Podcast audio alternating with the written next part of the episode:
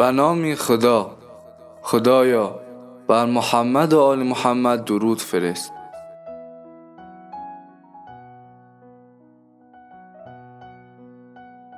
سلام همراهان گرامی.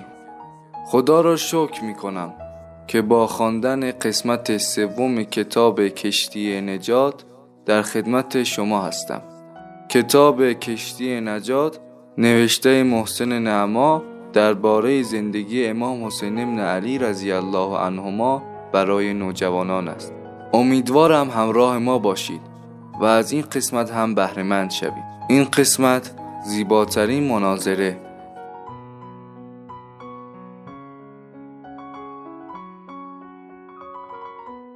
پیامبر اکرم علیه السلام و علی ابن ابی طالب کرم الله وجهه در مسجد و در زیر درخت خرمایی نشستند. نسیم ملایم و خونکی میوزد و بوی خوش سبزه و گلها را همراه خود می آورد و در مسجد می پراکند. پیامبر در حال سخن گفتن با علی ابن ابی طالب است و آب علم و دانش را جرعه جرعه در کام او می ریزد. علی همچون تشنه ای که هیچگاه سیر نمی شود نگاهش را به پیامبر و کلمه های نورانی او دوخته. چند دقیقه می گذرد. حسین رضی الله عنه در حالی که لباس عربی سفید و دراز به تن دارد به مسجد می درآید. نگاهی به اطرافش می کند و پدر و بابایش را زیر درخت خرما می بیند.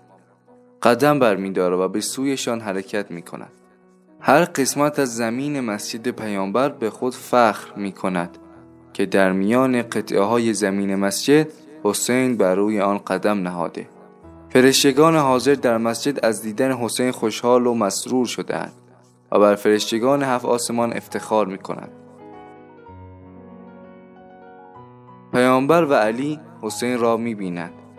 صحبت و سخن خود را قطع می کنند و به سمت او رو می آرند. حسین آرام آرام می آید تا به نزد پدر و بابایش می رسد. رو می کند به طرف آنها و لب می گوشاید.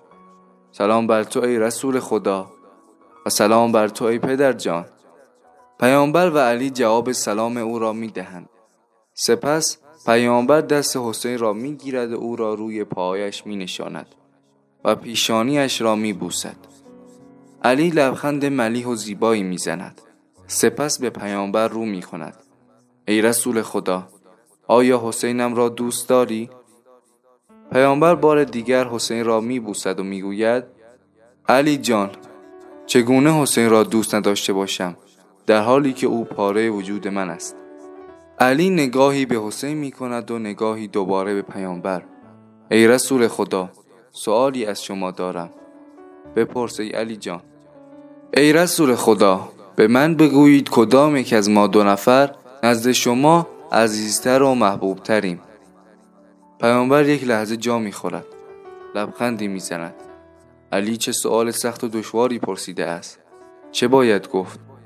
پیامبر می‌خواهد لب بگشاید و بگوید هر دو پاره وجود من هستید.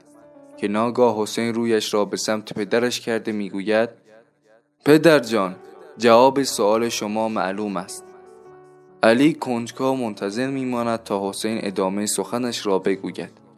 پیامبر هم همین کار را می کند حسین دوباره لب می گشاید آن کس که شریفتر باشد و مقامش بالاتر باشد نزد رسول خدا محبوبتر خواهد بود پیامبر و علی از جواب حسین تعجب می کنند و بی اختیار لبخند می زنند.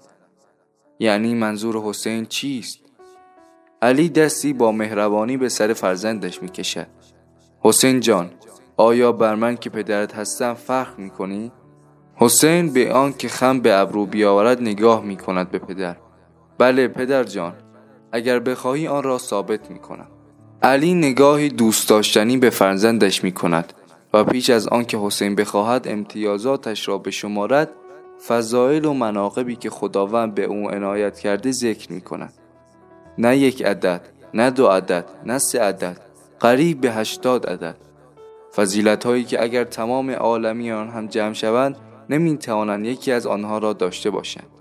آنگاه علی سکوت می کند تا حسین فضایل و مناقب خود را بر زبان بیارد.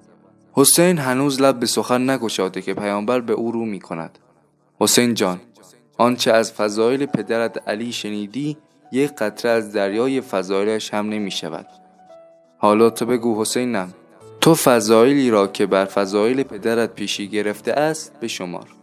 حسین چشمان نازش را به پدر می دوزد. خدای بزرگ و کریم را سپاس که اهل بیت را بر همه مخلوقاتش برتری داد. اما پدر جان همه آنچه درباره فضایل خود بیان کردی درست و حق بود اما فضایل من. پیامبر و علی به حسین نگاه می کنند تا او فضایلش را بگوید. پدر جان من حسین فرزند علی ابن ابی طالب هستم. مادرم فاطمه بنت محمد است و بابایم رسول خدا. اما پدر جان شکی نیست که بابای من از بابای شما برتر است چون بابای من سید و سرور تمام انسان هاست و در پیشگاه خداوند مقام هیچ کس از او بالاتر و والاتر نیست.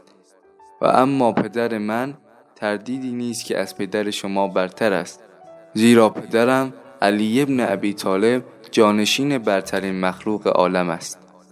و اما مادرم شکی نیست که از مادر شما بهتر است. چون مادر من سرور زنان جهان و اهل بهشت است و دختر برترین آفریده خداست. پیامبر علی از سخنان حسین تعجب کردند چه سخنان زیبا و شیوایی. به راستی چه فضایلی که حسین دارد و علی ابن ابی طالب ندارد و حتی رسول خدا. لبخندی که بر روی لبهای پیامبر و علی بود پررنگتر و زیباتر شده است. حسین باز به طرف پدر رو میگرداند و به او نگاه می‌کند. اما پدر جان ای کسی که امیر من و امیر همه مؤمنان هستی شهادت می‌دهم که تو نزد خداوند از من افضل هستی و من از لحاظ حسب و نسبم یعنی رسول خدا و مادرم و تو از تو افضلم و بر تو فخر و مباهات می کنم سخنان حسین جایی برای جواب دادن باقی نگذاشته. علی ابن ابی طالب نمی‌داند چه بگوید. گل تبسم پر از شادی بر لبانش می شکوفد حسین را از بغل رسول خدا می گیرد و روی زانوهایش می نشاند و چهرهش را غرق بوسه می کند پایان قسمت سوم. تا برنامه بعد خدا نگهدارتان.